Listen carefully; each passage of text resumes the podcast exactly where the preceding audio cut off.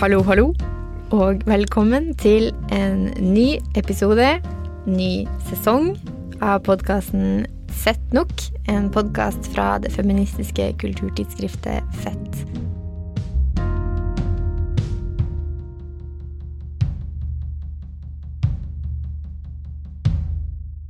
Jeg heter Hanne Linn Skogvang og er ansvarlig redaktør i bladet.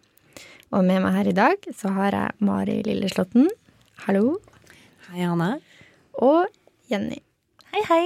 Jenny Schnaller. Beklager, jeg sa ikke hele navnet ditt. I dag så sitter vi faktisk eh, Så har vi bytta studio fra Jennys stue til eh, verdens eldste kvinneradio, som er Radio Rakel. Så nå har vi begynt å leie studioet her. Det er veldig fint å eh, være her. Og i denne episoden så skal vi snakke om eh, flere ting. Vi skal innom den nye Netflix-filmen, svært omdiskutert, eh, Cuties, som den heter.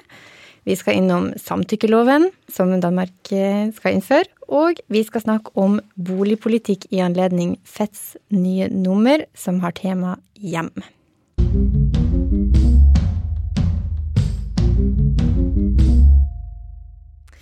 Grunnen til at vi valgte å ha en temautgave om eh, hjem, er jo fordi det har vært et veldig aktuelt åsted i hele 2020 som har prega oss eh, alle sammen. Masse fordi vi rett og slett har nødt til å være mye mer hjemme enn vi vanligvis er. Og det er litt interessant i et feministisk perspektiv, syns jeg, fordi det er liksom et av de store prosjektene til særlig andrebølgefeministene var jo å komme seg ut av heimen. Og nå skal vi være hjemme. Eh, og når vi spiller inn dette, så er det jo nye innstramminger igjen også, så det blir bedt om enda mer hjemme enn, eh, enn vi har vært i sommer, For Så eh, det var en av grunnene til vi valgte å ha dette nummeret. Men så ser vi også at nå er det masse debatt om boligpolitikk, om, sosial, om de sosiale forskjellene knytta til hvem som eier, og hvem som leier. Og du har aktivistkontoen på Instagram som heter Min drittleilighet, som også skriver nummeret, som har eh, eh, skapt masse rebalder når det kommer til hushaier og leiemarked. Så det er veldig mye spennende som skjer. Hanna Gitmark, som også skriver nummeret, har jo skrevet en tekst om, ja, om, om, om den og etterlyser mer politikk når det kommer til boligpolitikken, for den mener hun er så å si fraværende i dag. Så um, mye spennende i dette nummeret. I tillegg så er det liksom litt tekster om Sigrid Undset, som Eline, produsenten vår, har skrevet, og husmødrenes historie. Så det er mye forskjellig man kan ta tak i når det kommer til hjem. Men jeg tenkte vi skulle holde oss litt i det politiske når vi skal snakke om eh, nummeret i dag. Og um, spørsmålet som jeg har lyst til å stille, og det er åpent, men kanskje ledende, er dagens boligpolitikk diskriminerende? Eh, da lurer jeg på om dere har noen tanker? Eh, hvis man leser Man kan bare faktisk skumlese fett, så kan man få et svar på det som virker å være ja. Eh, jeg syns det er interessant å liksom se på da at leiemarkedet er liksom én ting, og eiemarkedet er en annen ting. Og så er det selvfølgelig en grunn til at man beveger seg i det ene og ikke det andre. Men uh, bare det å se på den Min drittleilighet, da, som, uh, er, som jo er det aktivistiske prosjektet som handler om leiemarkedet, sier jo ganske mye om at det diskriminerer. Jeg satt bare og scrolla gjennom den Instagram-kontoen i går, og det er jo helt hårreisende. En ting er hvordan folk bor, og det gir jo sånne flashbacks til selv å stå sånn på en gardintrapp og, og vaske eh, sånn mugg fra et eh, tak på et bad i København, som var en opplevelse jeg håper jeg ikke må være med på igjen. Og det er mange som bor under ganske kjipe forhold. men en ting er jo da hvem som faktisk får bo, og at det er så mm. mye sånn helt åpenbar diskriminering at eh, nei, jeg leier ikke ut til afrikanske gutter, eller vi ser bare etter en viss type mennesker. Og da er det ganske mange, og at det typisk er ikke-hvite, ikke-norske som holdes uh, utenfor leiemarkedet, da, eller har vanskeligere for å finne seg en plass å bo. Mm. Uh, og det er veldig tydelig at det skjer diskriminering i leiemarkedet, men det som er spennende, er på en måte når man eier, altså når man kjøper leilighet, så er jo den diskrimineringen egentlig mye mer subtil. Fordi det er jo auksjon, så på en måte Så det er jo den som byr mest, som får den, og da har det jo egentlig ikke noe å si hvem du er, om du er eh, afrikansk eller ikke. Men selvfølgelig må man jo da stille spørsmålet hvem har overhodet de pengene til å kunne by høyest. Eh, men eh, jeg har jo vært heldig, så har jeg, jeg har jo faktisk kjøpt leilighet for et år siden. Det har vært en veldig spennende og veldig rar prosess.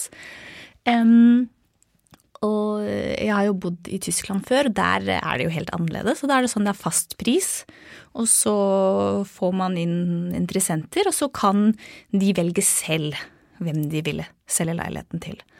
Eh, og ja, det er jo fordel og ulempe med alt. Da har man jo kanskje mye mer diskriminering fordi de velger ja, kanskje mer de hvite eller eh, ja, er det det? Eller uh, vet du noe om det? Det vet jeg dessverre ikke, men, liksom, men samtidig så kjenner jeg jo at det er jo en fast pris, da. Så det der å liksom uh, pushe hverandre opp i pris, og det blir jo nesten litt sånn uh, jeg vet ikke, kasinofølelse, føler jeg da. Fordi man har jo ikke noe forhold lenger til de pengene. Det er sånn å, ja, 5000 til, ja ja, hva har det å si? Og så bare byr man mer og mer. Eh, og det blir jo helt absurd. Mm. Ja, det er jo enorme summer. Mm. Det er masse som går langt over takst også, mm. i Oslo. Og, altså, man må jo ut med ganske mye for å leie etter hvert òg. Altså, det, det, skaper jo enorme forskjeller også for de som da får kara seg til en eller annen leilighet, altså uavhengig av hvem de er. Da, altså at man får eh, leie, så må man betale så mye som gjør at man da ikke får spart til å kjøpe på et tidspunkt. Så det er jo en litt sånn ond uh, sirkel, det der. Mm.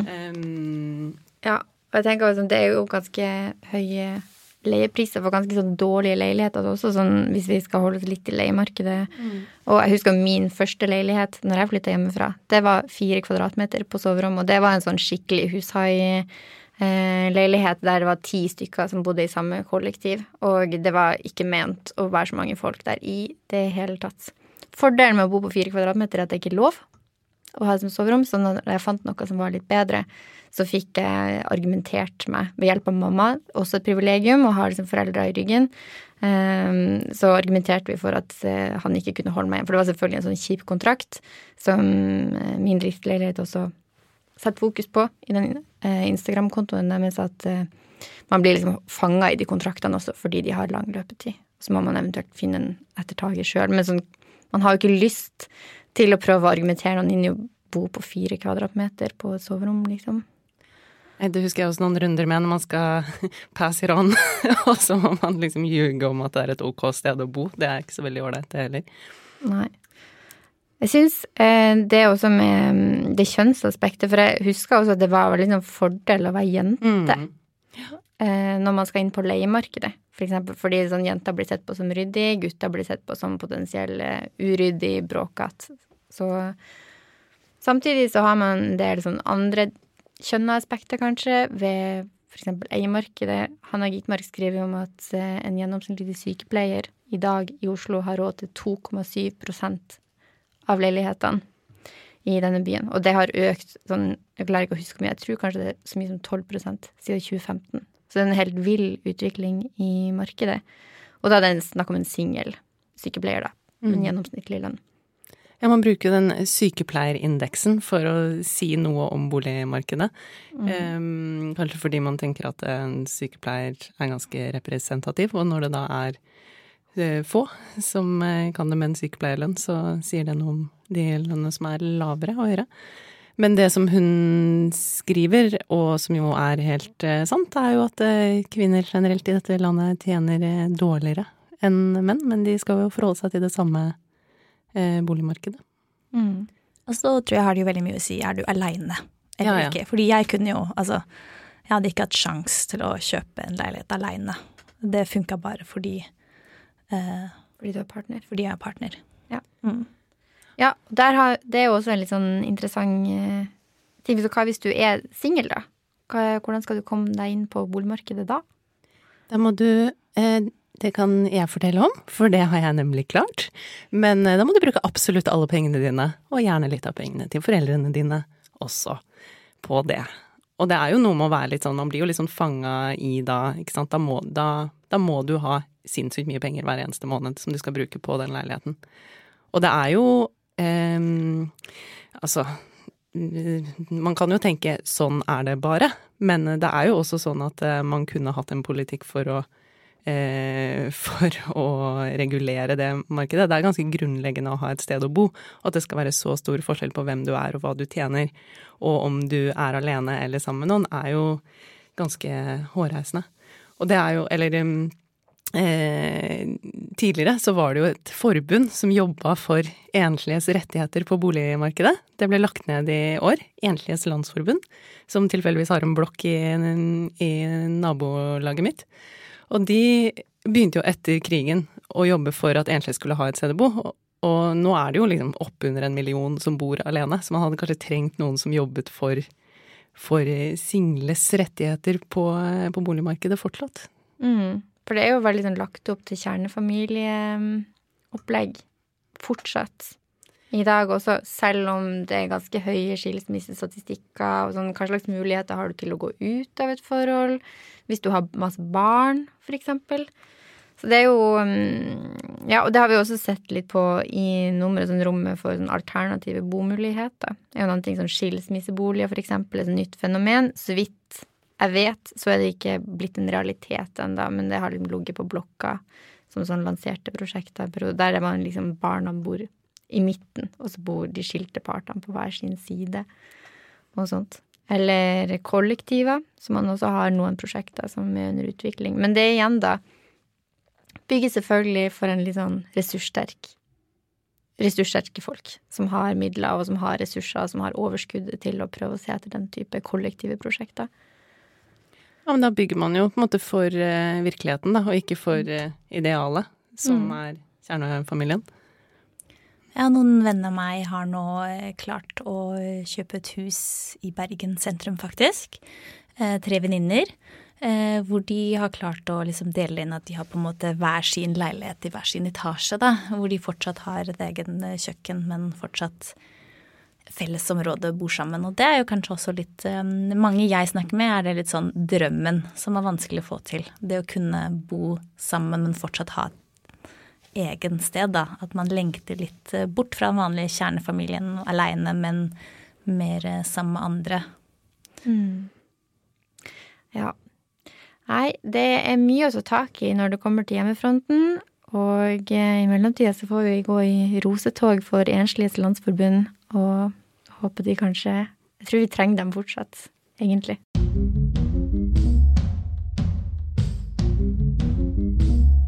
Vi skal ta en tur ut av fett og inn i resten av Norden, til Sverige og Danmark. Der de, I Sverige så innførte de jo samtykkelov for noen år siden, og i Danmark så skal de gjøre det nå. Og eh, da må vi også prate litt om det. Er det på tide at Norge begynner med samtykkelov også? Ja, det er jo mange som stiller seg det spørsmålet. Da Sverige innførte samtykkelov, altså at de gjorde endringer i voldtektsloven, sånn at eh, dette om at det må være vold og trusler involvert for at eh, noe er en voldtekt, så, eh, så, kom debatten opp i Norge også. Dette var i 2017. Eh, så da foreslo SV at vi også skulle gjøre lignende endringer her. Og da ble det stemt ned. Men så, nå i starten av september, så har Danmark eh, stemt for en endring. Og da er det jo sånn at debatten kommer opp igjen også i Norge. Og nå har vi jo også tall fra Sverige som viser at siden eh, de gjorde sin endring i loven, så har antall dommer eh, i voldtektssaker økt med 75% Så det er jo mange som tenker da at eh, hvis man utvider eh, forståelsen av voldtekt til å være sex uten samtykke, og at det ikke trenger å være vold og trusler involvert, at vi da kanskje kan gjøre noe med både forståelsen av voldtekt, men også antallet som blir dømt da for voldtekt. Mm. Og så er jo dette bare et veldig stort og vanskelig spørsmål. Men, eh, men hva tenker dere? Altså sånn det å, eh, å definere voldtekt som sex uten samtykke, altså at man må ha et aktivt samtykke for at det ikke skal være voldtekt, hva vil det gjøre med, eh, med bildet, da? Ja, fordi jeg husker at Aftenposten og magasinet hadde faktisk en sånn stor sak noen år tilbake.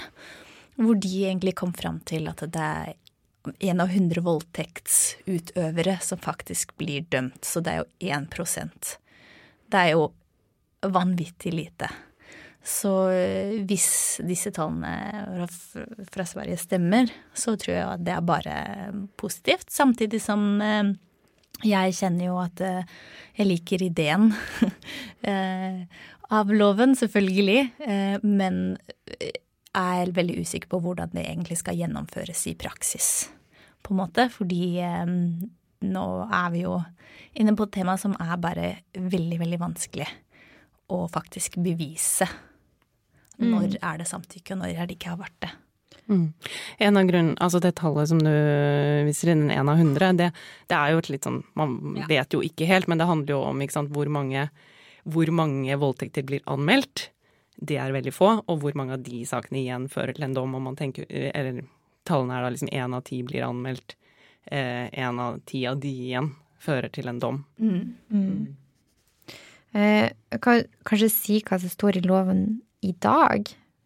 Eh, bare for å ha et sånn sammenligningsperspektiv. For der står det at med fengsel inntil ti år straffes den som skaffer seg seksuell omgang ved vold eller truende atferd, eller ha seksuell omgang med noen som er bevisstløs, eller ute av stand til å motsette seg eh, handlinger, eller ved vold eller truende atferd får noen til å ha seksuell omgang med en annen, eller til å utføre handlinger som svarer til seksuell omgang med seg sjøl. Det er straffeloven, paragraf 291 om voldtekt. Eh, og hva, vil, hva tror dere vil være de praktiske forskjellene? Eh, det, jo, det, er også en annen paragraf som er relevant her, som jeg ikke kan eh, på rams, men som er noe av det som gjør at mange sier at vi kanskje allerede har dette mm. i, i, loven vår. Men um, det praktiske og det, det, som man tror at har skjedd i Sverige, er jo det at man på en måte har eh, Ja, at, at man har eh, bedre grunnlag for å gå til en anmeldelse eller for å gå til en sak. Eh, og ta den opp i retten. Men bevis er jo fortsatt et veldig, veldig vanskelig spørsmål. Det vil være ord mot ord, som oftest. Og det er på en måte den historien som vinner frem, da kan man kanskje si, som er det som blir det eh, sterkeste argumentet med denne lovgivningen versus den vi har i dag. Så effekten er jo Altså, jeg ikke sånn Jeg har ikke noe sterkt argument for eller imot, men jeg tenker liksom Og også som veldig mange som har peiling på det, sier, professorer i juss for eksempel, at eh, kanskje man ikke alltid skal sette sin lit til jussen da, og rettssystemet for å få liksom ordna opp i problemer som har med eh, voldtekt å gjøre. Mm. Men en ting som også er mye nevnt i sammenheng med når man snakker om samtykkeloven, er jo ikke bare det juridiske feltet, som vi kan Altså, det kommer til å være vanskelig uansett med rettssak og alt det der, men så har det også signaleffekten. Altså, kan det ha en sånn holdningsendrende effekt når det kommer til seksuell omgang, for å bruke litt klinisk språk? Tror dere det? Jeg er usikker på om det faktisk er loven som har denne store pedagogiske effekten, eller om det er mer hvordan vi snakker om det i samfunnet. Eh, jeg tror det er mye som har skjedd nå med metoo-saken. Jeg tror det er veldig mye mer eh, ja, folk som snakker om det, som tenker om forskjellige ting. Hva er det? Vi har jo Det fins jo en fin serie som vi kan kanskje bruke som eksempel, som går på HBO som heter I May Destroy You, som tar opp disse gråsonene Eh, og ja, et eksempel som jeg husker er ok, hva skjer hvis eh, en mann under samleie hemmelig tar av seg kondomen? Hva betyr det? Da har man jo ikke samtykka til den type samleie. Eh, er det voldtekt? Eh, flere land, eksempel også Storbritannia og Tyskland, og eh, sier ja, da er det voldtekt. Norge har ikke det enda. Så jeg tror man må begynne å tenke litt mer på disse, at man kan tenke på gråsoner når det gjelder samtykke, og det tror jeg er veldig viktig. Mm. Men samtidig så er det sånn, det er ganske stor forskjell da, i en lov fra å gå fra sånn la det skure og gå og stå til, det går sikkert bra, det er sikkert greit det jeg gjør nå, til sånn du må innhente aktivt samtykke. Så det er jo på en måte Det er jo litt pedagogisk, er det ikke det? Ja, og jeg tenker jo at alle disse tingene henger sammen. Mm. At, uh, at loven endrer seg jo i takt med samfunnet, og den samtalen vi har i samfunnet om hva, hva voldtekt er, og hva sex er, og hva uønska sex eller sex uten samtykke. Altså, jeg håper jo inderlig at uh, folk ikke tenker på loven når de skal ha sex. Altså at det er andre ting som står i hodet på, på folk. Uh, men kanskje er det det som må til for en del for å forklare at det du gjør nå, det har du ikke lov til. Uh, fordi altså det foregår jo masse uh, som ikke er greit mellom uh, både menn og kvinner og menn og menn og kvinner og kvinner. Altså det, for, det er dette er jo et kjempestort problem. Det er jo et folkehelseproblem at det er så mange som blir utsatt for voldtekt. Så noe må man jo gjøre. Og det må En ting er hva som skjer etterpå det er jo mye, mye viktigere å forebygge.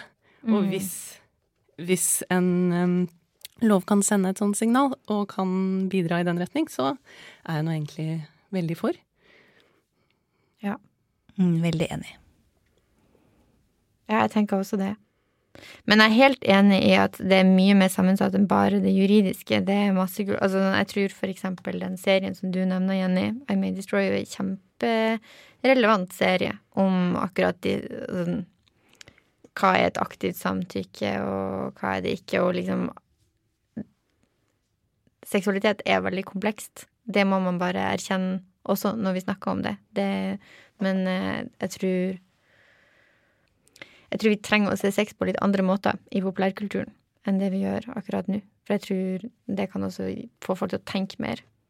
Den serien får deg til å tenke masse sånn hva er voldtekt, hva er sex, hva er samtykke, altså alt det der. Ja, den er, og den er jo så bra. Jeg vil bare virkelig anbefale den. Og det, det høres ut som det er den liksom tyngste og kjipeste seeropplevelsen du kan se for deg.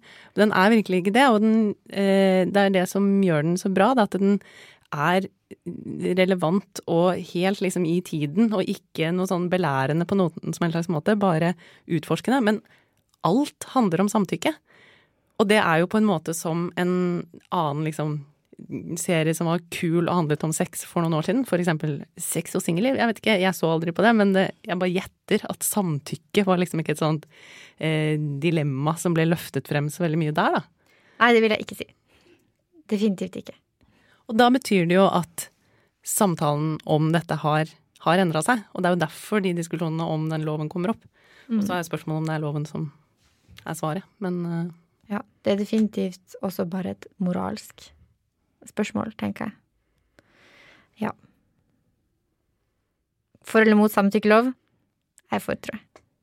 Og en som gjør at det blir mindre voldtekt i verden, er i hvert fall for å se veldig eh, nøye på. Nei, jeg er absolutt for Absolutt, men jeg skjønner også kritikken at eh, noen sier at det kanskje blir mer en symbolsk og pedagogisk lov, men ikke faktisk kommer til å føre til flere dommer, fordi det er eh, såpass vanskelig. Så jeg skjønner at noen fortsatt er kritiske.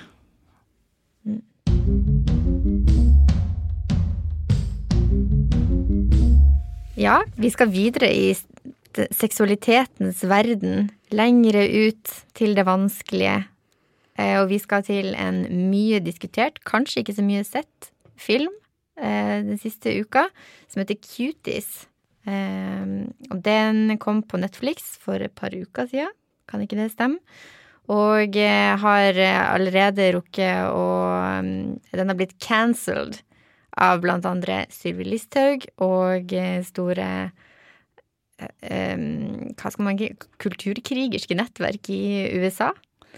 Eh, så da måtte vi selvfølgelig se den, og nå er vi her for å snakke om den. Filmen er altså laga av Maimona Maimuna Dekore, og den handler om eh, elleve år gamle Amy, som vokser opp i en fransk-senegalesisk familie i Paris. Og familien er muslimsk og veldig religiøst. Eh, og hun står litt i konflikt med det, fordi særlig på skolen så er det altså en jentegjeng som blir kalt for cuties. Som hun eh, gjerne vil bli del av, og de eh, lager en del dansevideoer som de ligger ut på nettet og vil være med i dansekonkurranse. Og hun ble altså ja, medlem av den gjengen, på en måte. Og det som jo har vekket så mye oppmerksomhet, er måten disse jentene danser på. De har nemlig på seg veldig lite klær og danser ganske sexy. Eh, og ja, twerker og vrikker med hoftene. Um, og så har altså da Netflix kanskje gjort den store tabben at uh, for å promotere filmen, så hadde de valgt et bilde av en sånn dansescene hvor uh, virkelig uh, ja, disse elleve år gamle jentene blir vist på en veldig, veldig sexy måte. Og bildet aleine har jo da ført til at folk har vært veldig sjokkerte. Eh, Sylvi Listhaug, som du sa, som ikke har sett filmen, sa at eh, dette her kan trigge pedofile. Eh, og generelt har de fått veldig mye kritikk av seksualisering av barn. Ja. Jeg syns det høres litt ut som Netflix også kan kritiseres for å gjøre nettopp det, for det høres ut som de har spilt på sex. Jeg har ikke sett det aktuelle bildet, bare sånn disclaimer, men det høres jo litt ut som at de på en måte har gått Altså, filmen er uten tvil en kritikk av seksualisering av jentebarn, men det virker ikke helt som at Netflix har fått med seg det i promoteringa av filmen, kanskje. Så det er kanskje et snev av berettiga kritikk eh, her, men så har jo dette blitt kjempestort. Netflix hadde jo nok av bilder fra filmen å velge mellom eh, når de skulle velge et som seksualiserer barn. Det er jo ja. ja det er et stort tema. Det er klart at det gir oppmerksomhet. Mm. Ja, men det som har skjedd, er at eh, særlig sånn litt sånn høyre konservative mennesker på nettet har jo fått tak i det og har spredd faktisk de bildene og dansescenene på nettet. Eh, og har liksom gått veldig sterkt ut om at det er eh, helt forferdelig. Senator Ted Cruz fra Texas har liksom gått ut og sagt at han eh, vil få i gang en offisiell etterforskning som ser om de har liksom hatt brudd på retningslinjer mot barnepornografi når de laga denne filmen. Um, så det er en litt sånn ironi i seg selv også, fordi det er jo eh, de som kritiserer at dette bildet finnes, har jo nå bare delt og delt og delt det på sosiale medier hele tiden. Og gjort at vi tre har sett den. Og, og gjort at vi har blant annet sett det her. Og den filmen er ikke så bra, så det Takk for det, Silvi. Ja, nei, for det kan vi jo også snakke litt om. For nå, når de først har eh, løfta denne debatten om seksualisering av kvinnekroppen, eller barnekroppen, da, så tenker jeg da kan vi, vi kan ta den videre. Har de, har de et poeng, kritikerne? Du sa at du ikke likte filmen så godt, Mari, men du må nesten begrunne det. Jeg tenker bare at den er på en måte full av klisjeer, da. Om på en måte hvordan det er å være barn og vokse opp og møte mot, litt motstand både hjemme og ute. Og altså bli fristet til å bli med på noe spennende, og så eh, går det ikke akkurat som eh, du hadde tenkt, men så vokser du eh, av erfaringen, på en måte. Altså sånn Det er en film som jeg føler at jeg har sett mange ganger før. Eh, men, men jeg syns jo det der med kritisere seksualisering ved å vise frem seksualisering, er på en måte Det er eh, Det gjøres jo hele tiden, og det er jo alltid litt sånn derre tvega fordi ved å vise det frem, så får man jo frem de følelsene. Det er jo veldig ubehagelig å se på små barn eh, nesten uten klær liksom deige seg til eh, Nå husker jeg ikke hva liksom, linjene i de der låtene de danser etter er, men, men det er liksom Man får jo bare lyst til å si nå må dere slutte med det der, og det er voksne menn som ser på dere, og det er ikke bra. Eh, men eh, Så det får jo frem de følelsene, men samtidig så gjør det jo det samme. ikke sant? Og det er jo det samme som med seksualisering av kvinnekroppen. At man, man kan selge film ved å være kritisk mot seksualisering, ved å da gjøre det samme. Mm. Kan også bare si litt mer sånn for lyttere som ikke har sett filmen, kanskje ikke får så lyst til å se på den heller etter å ha hørt deg snakke, Mari. Eh, at. Eh, nei, eh, men at Ami kommer fra en familie der det er veldig mye sosial kontroll. Det er ganske strengt, veldig konservativt. Og så se, altså, er det en sånn veldig formativ scene der hun også forstår at faren hennes er i utlandet for å ta med seg en ny kone hjem, så mora hennes blir helt knust, og hun hører hun gråte. Og samtidig så blir du liksom sosialisert inn i dette er helt OK.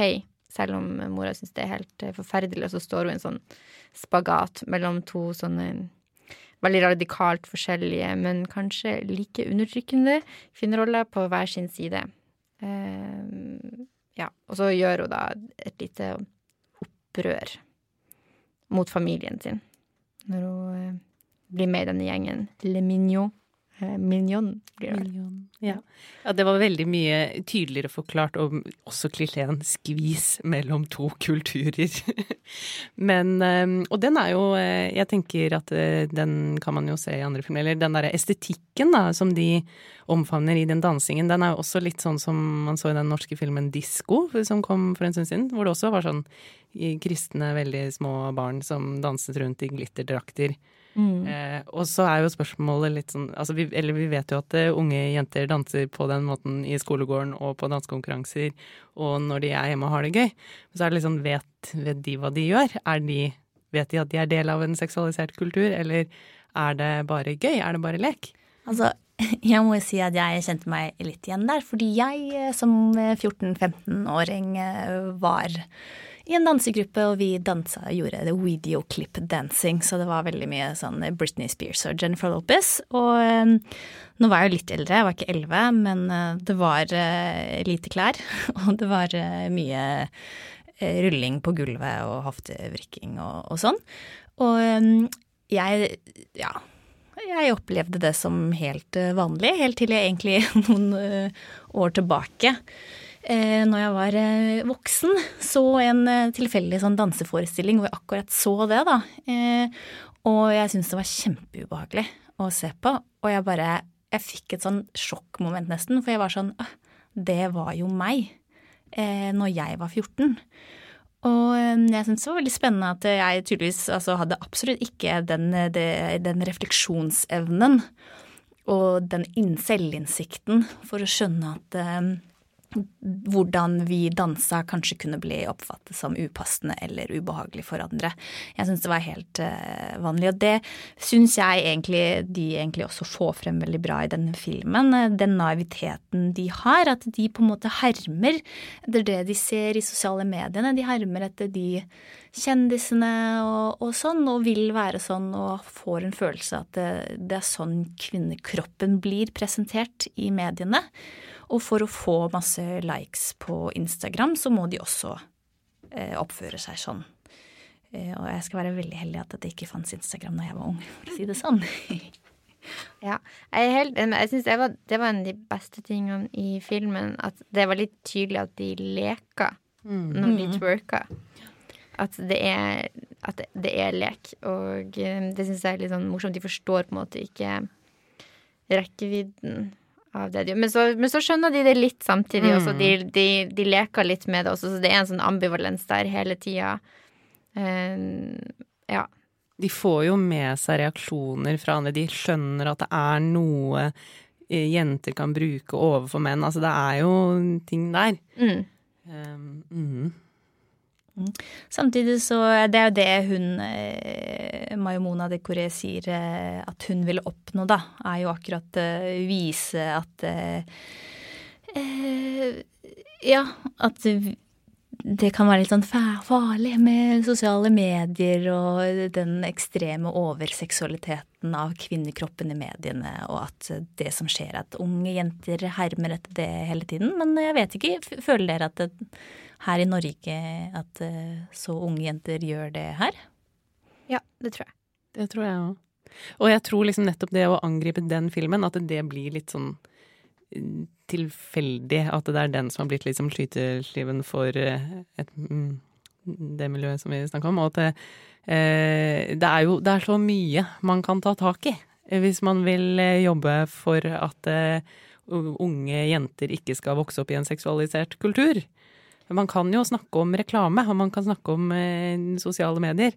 Og, ja, og ikke en litt sånn halvveis eh, film som prøver å snakke litt om hvordan det er. Ja, man kan snakke om influensemarkedet, mm. man kan snakke om apper som gjør at du ser vakrere mm. ut på bilder. Altså, det er så mange ting. Sånn, og imitasjon er jo sånn kjempeviktig tema i, i den filmen. Men man kan jo si, uh, uansett om man syns filmen var bra eller ikke, den har, uh, er nå en av de mest sette filmene på Netflix i USA, iallfall. Så den har jo uh, fått et enorm boost av oppmerksomhet. Og den har jo helt tydeligvis klart å få i gang en debatt om det. Så det er jo kanskje litt positivt. Ja, så tenker jeg jo det er jo meninga at vi skal synes at det er ubehagelig å se på disse jentekroppene også, og det er klart det definitivt. Jeg syns det var kjempeubehagelig å se på. Og sånn skal det jo være, eller sånn man skal se det for det det er. Jeg syns det som også har vært litt sånn morsomt med denne debatten, at den gir meg litt sånn flashback. Eh, fordi Snakker vi Lolita, Hanne? Ja, vi, ja eh, vi gjør det. Eh, eh fordi når jeg først ble redaktør i Fett, så skrev jeg et um, ble jeg spurt av Klassekampen jeg kunne skrive en sånn sparte som heter Feminist jeg visst der.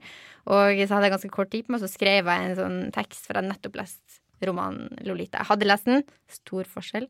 Um, og så hadde jeg syntes jeg det var litt sånn syns det var veldig ubehagelig å lese den romanen, rett og slett. Og så hadde jeg lyst til å utforske dette liksom, ubehaget i det, for jeg hadde heller ikke noe lyst til å lese den. Jeg var med i en bokklubb, og vi skulle lese Lolita, så da gjorde jeg selvfølgelig det. Men eh, jeg hadde en enorm motvilje, jeg hadde ikke noe lyst til å gå i gang med den i det hele tatt, men så gjorde jeg det til slutt. Så hadde jeg lyst til å reflektere litt rundt det ubehaget. Jeg syns jo at det er en veldig god roman, men som er kjempefæl å lese. Eh, men den teksten ble jo tolka som at jeg tok til orde for praktisk talt brenning av Lolita i norsk offentlighet.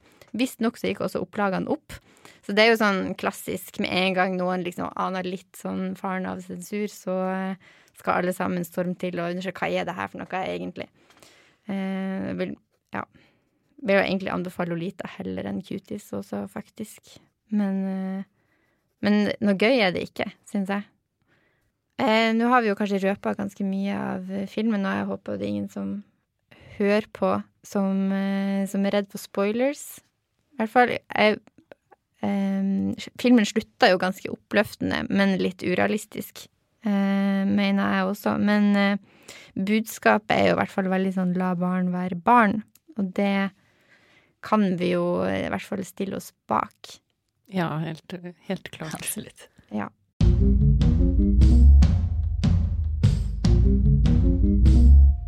Da runder vi av eh, høstsesongens første episode av eh, podkasten Fett nok.